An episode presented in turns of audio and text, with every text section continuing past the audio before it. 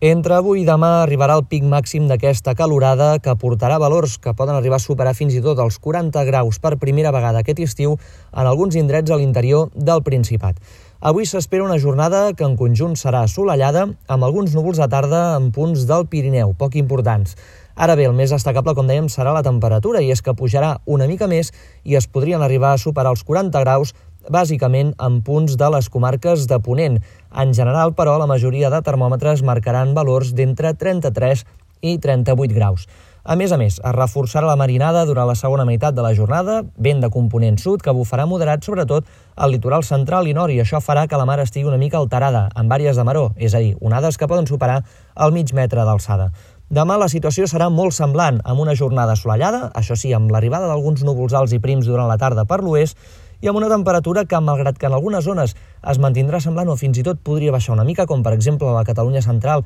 o també al litoral i prelitoral central,